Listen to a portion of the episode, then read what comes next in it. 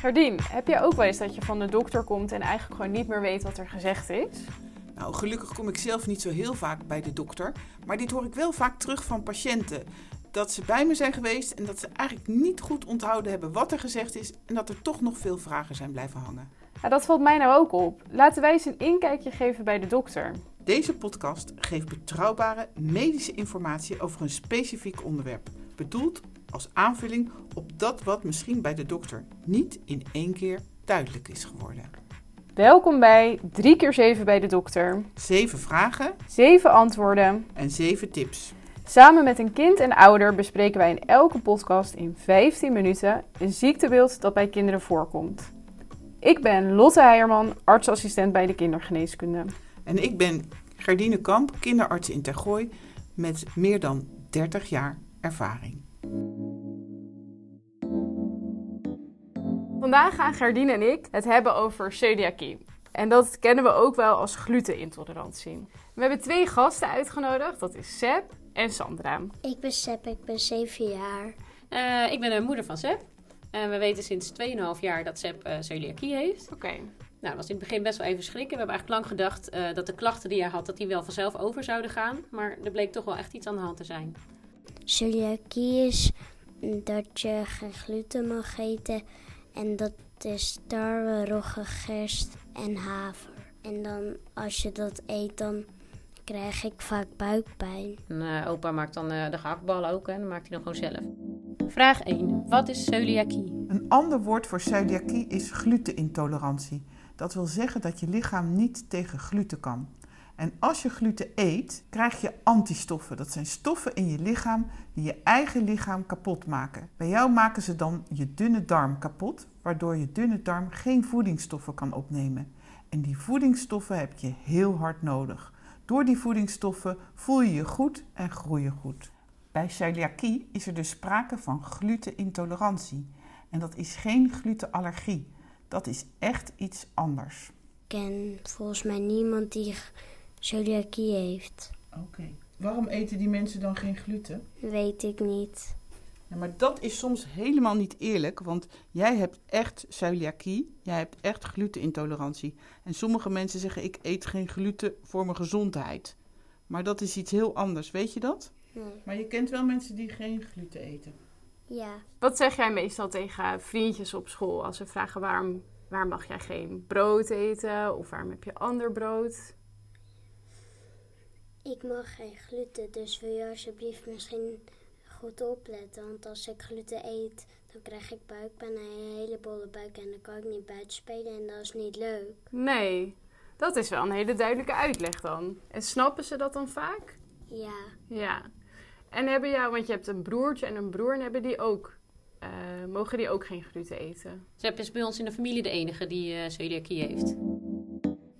Vraag 2.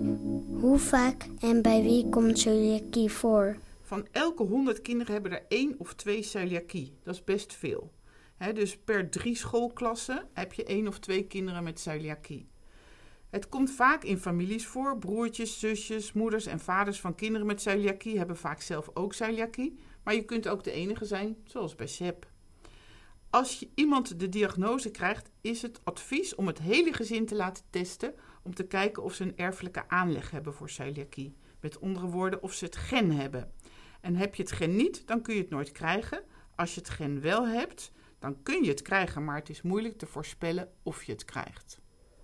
En is dan bij jullie in de familie, Sandra, is iedereen getest toen? eh, Ja, toen Seb zijn diagnose kreeg, eh, zijn wij als gezin allemaal eh, getest door middel van een bloedtest. Maar dat was eigenlijk alleen om te kijken of wij op dat moment celiakie hadden. En dat hadden wij eh, de rest van het gezin niet. Maar er is bij ons nog niet gekeken wie er bij ons eventueel drager zou kunnen zijn van dat gen. Maar dat is wel het advies om dat te doen. Ja, maar het is geen eh, must.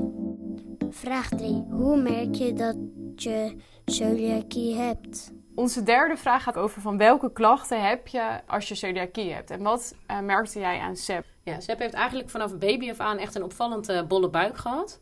En eigenlijk naarmate hij ouder werd, uh, begon hij meer aan te geven dat hij buikpijn had. Hij uh, stond stil in zijn groei, kwam niet meer aan in gewicht. Ja, en toen zijn we toch verder gaan kijken. En achteraf, nu we het weten, zijn er wel meer uh, dingetjes die op zijn plek zijn gevallen. Dan zien we bijvoorbeeld dat hij veel meer energie heeft. Bij celiakie heb je eigenlijk drie groepen van klachten. Klachten die direct te maken hebben met je buik. Zoals diarree, buikpijn, geen zin om te eten, opgezette buik. Nou, dat vertelde je al. Of dat je niet kan ophouden met eten, dat je maar honger blijft houden. Of dat je niet goed kan poepen.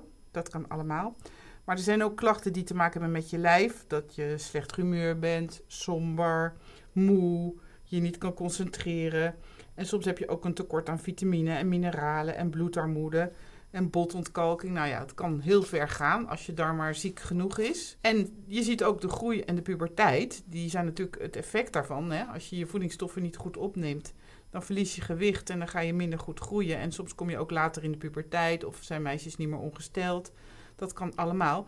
Maar heel vaak duurt het wel 1 tot 2 jaar voordat die groei zich herstelt. Maar bij hem ging dat dus uh, super snel. Ja, bloedwaardes, dat duurt dan juist weer uh, een stuk langer voordat dat weer helemaal uh, terug is naar wat het zou moeten zijn. Maar gewoon de klachten die we echt aan hem kunnen zien, zeg maar, dat ging vrij vlot. Ja. ja. Zag je ook iets aan zijn humeur?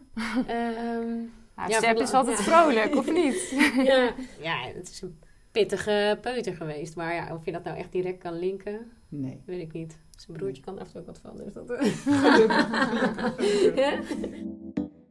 Vraag 4. Hoe weet de dokter dat je celiakie hebt? Nou ja, als de dokter het verhaal hoort, en het is best wel moeilijk, want het is bij iedereen anders, dan doe je bloedonderzoek. Nou, dat is bij SEP uh, ook gebeurd. En je kan dan naar die celiakie-antistoffen kijken. Dus de antistoffen tegen je eigen dunne darm. En als je dat twee keer positief hebt, dan is de diagnose eigenlijk duidelijk. En zeker met het verhaal van dat hij niet meer goed groeide en alles, hè, dat het niet zo lekker ging. Maar soms, om de diagnose te bevestigen, kun je ook een dunne darm biopte doen. Dan neem je een hapje van de dunne darm en dan kijk je bij die dunne darm of de vlokken aanwezig zijn en of dat het beschadigd is of niet. Ja, dat is niet altijd nodig, maar dan weet je het 100% zeker. Heeft hij een biopt gehad? Nee, zijn uh, bloedwaardes uh, waren inderdaad zo hoog dat het uh, gewoon duidelijk was dat, dat het celiakie ja. moet zijn. Ja, precies. Ja. En dan de dagen voor en tijdens dat onderzoek, dan stop je met gluten eten of wat moet je dan eten? Je moet gewoon gluten eten, want zodra je stopt met gluten, gaat die dunne darm zich herstellen en dan lijkt het net alsof je geen celiakie hebt. Maar iedereen met celiakie heeft een tekort aan darmvlokken. Dus je moet gewoon gluten eten totdat de diagnose helemaal duidelijk is. Oké, dus dat is wel echt belangrijk. Dat je niet alvast andere dingen gaat eten en een ander dieet gaat doen. Nee. Vraag 5. Wat kun je er, eraan doen? Seb, weet jij dat? Wat kan je eraan doen als je celiakie hebt? Glutenvrij eten. En hoe is dat? Alles smaakt wel anders. En dat is wel een beetje gek. Moest er wel aan wennen, hè? Ja. Wat vond je het lastigste? We hebben wel een beetje moeten zoeken naar een lekkere boterham bijvoorbeeld. Hè? Ja. Dat was wel echt een zoektocht, ja. Dit zoveel verschillende smaken en een ja, andere structuur van het brood. Nou, wat kun je er dus aan doen als je celiakie hebt? Er is dus een hele goede behandeling en Sepp heeft het al gezegd. Geen gluten eten, dus een glutenvrij dieet. Je moet er wel je hele leven rekening mee houden, omdat je nooit meer gluten mag eten. De diëtist is heel belangrijk en helpt om veel te leren en uit te leggen over het glutenvrije dieet. Hierdoor gaan je darmvlokken weer herstellen en gaan je buikklachten weg. Sommige kinderen knappen heel snel op en andere doen daar langer over. Dus je zegt een diëtiste. En hebben jullie dan een vaste diëtist waar je altijd contact mee hebt? Of hoe werkt dat? Uh, we zijn eigenlijk vooral toen we net die diagnose hadden gekregen, zijn we naar diëtisten geweest. En daar zijn we toen, ik denk, twee of drie keer geweest. En toen hebben we heel veel informatie gekregen. En eigenlijk konden we daarmee uh, van start gaan. En uh, hebben we eigenlijk daarna geen contact meer gehad. En kan je nog herinneren dat je je toen beter ging voelen? Of weet je dat niet? Nee, hè? dat weet je niet meer. En mama wel? Uh, ja, we zagen eigenlijk best wel snel uh, dat hij echt wel aan het opknappen was, dat die buik minder bol werd en dat hij dus meer energie kreeg. En, uh, en daar ging uh, ontzettend zijn groei inhalen. Vraag 6. Wat kan ik er nog meer van verwachten? Als je dus begonnen bent met je glutenvrije dieet, kom je terug bij je kinderarts en ook terug bij de diëtiste. De kinderarts kijkt dan ieder jaar hoe je gegroeid bent en hoe het vraagt hoe het met je gaat. Tevens doe ik dan altijd een bloedonderzoek om te kijken hoe het met de antistoffen is. Je wilt dat die naar beneden gaan. En je kijkt ook naar andere ziektes die soms voorkomen bij celiakie, andere auto-immuunziektes.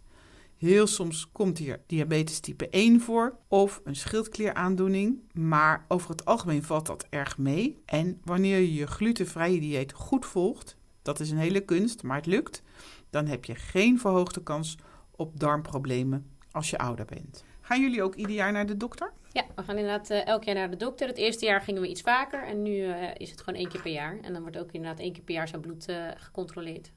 Ja, en waar kijken ze nog meer naar?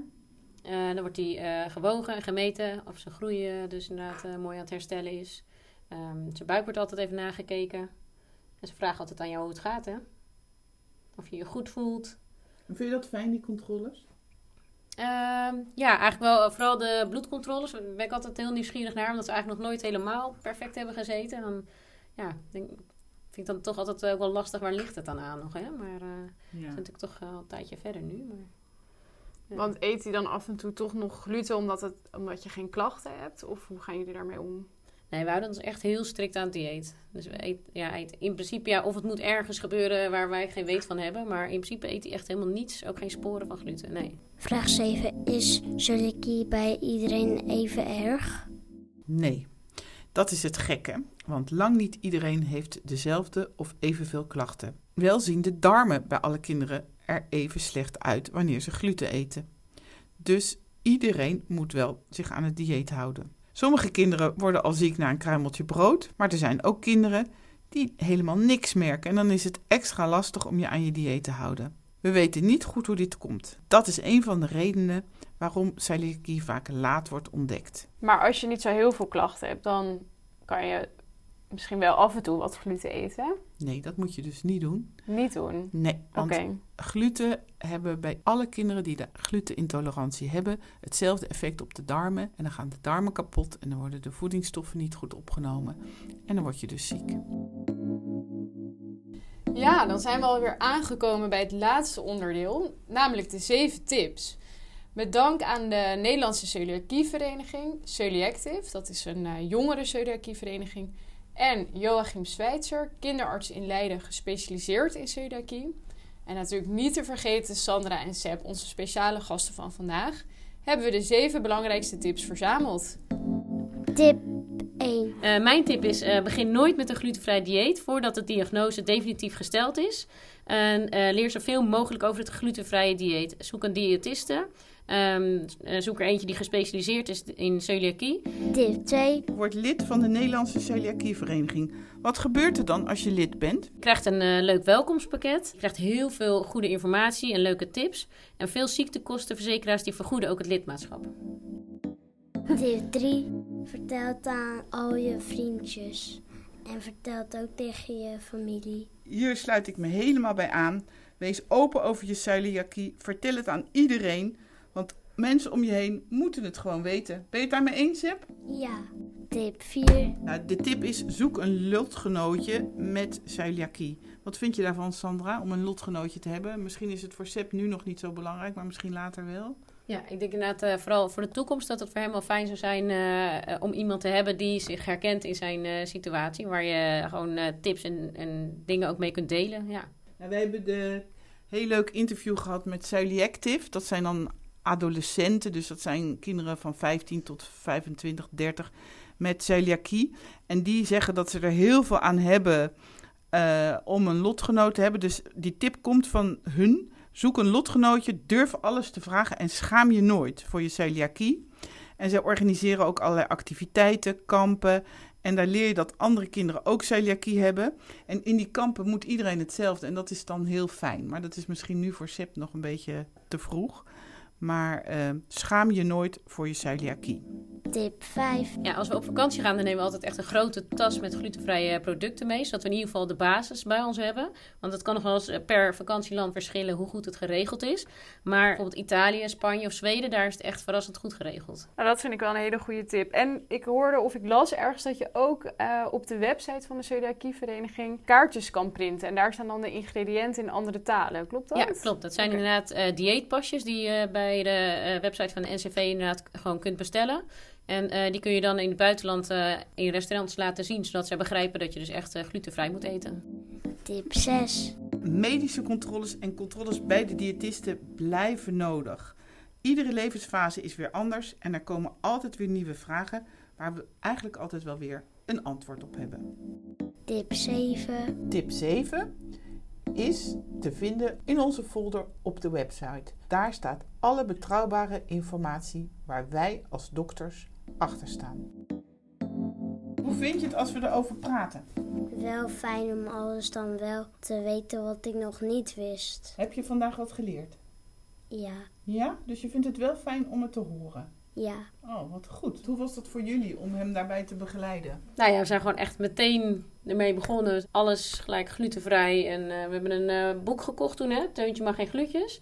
En eh, ja, daar staat echt eh, heel goed in kindertaal eh, duidelijk uitgelegd wat het nou precies is. Dat heeft hij, dat, wij kwamen er voor hem in de zomervakantie dan achter. Dus dat heeft hij daarna mee naar school genomen na de vakantie. Dat heeft de juf in de klas aan alle kinderen voorgelezen. En ja, daardoor was het eigenlijk ook gelijk duidelijk voor iedereen. Hè? En in de klas houden de kinderen supergoed rekening met hem. Hè, niemand vindt het gek of raar. Ze weten wat je hebt en ze denken heel vaak aan hem. En je broers? Die doen het ook goed. Ja. Die houden ook rekening met me. Oh, dat is fijn. En durf je altijd te zeggen dat je celiakie hebt, dat je geen gluten mag eten? Ja, Sandra, hoe is dat binnen jullie gezin? Eh, het leven met een glutenvrij dieet is bij ons thuis eigenlijk eh, heel goed te doen. Daar waren we eigenlijk heel snel aan gewend.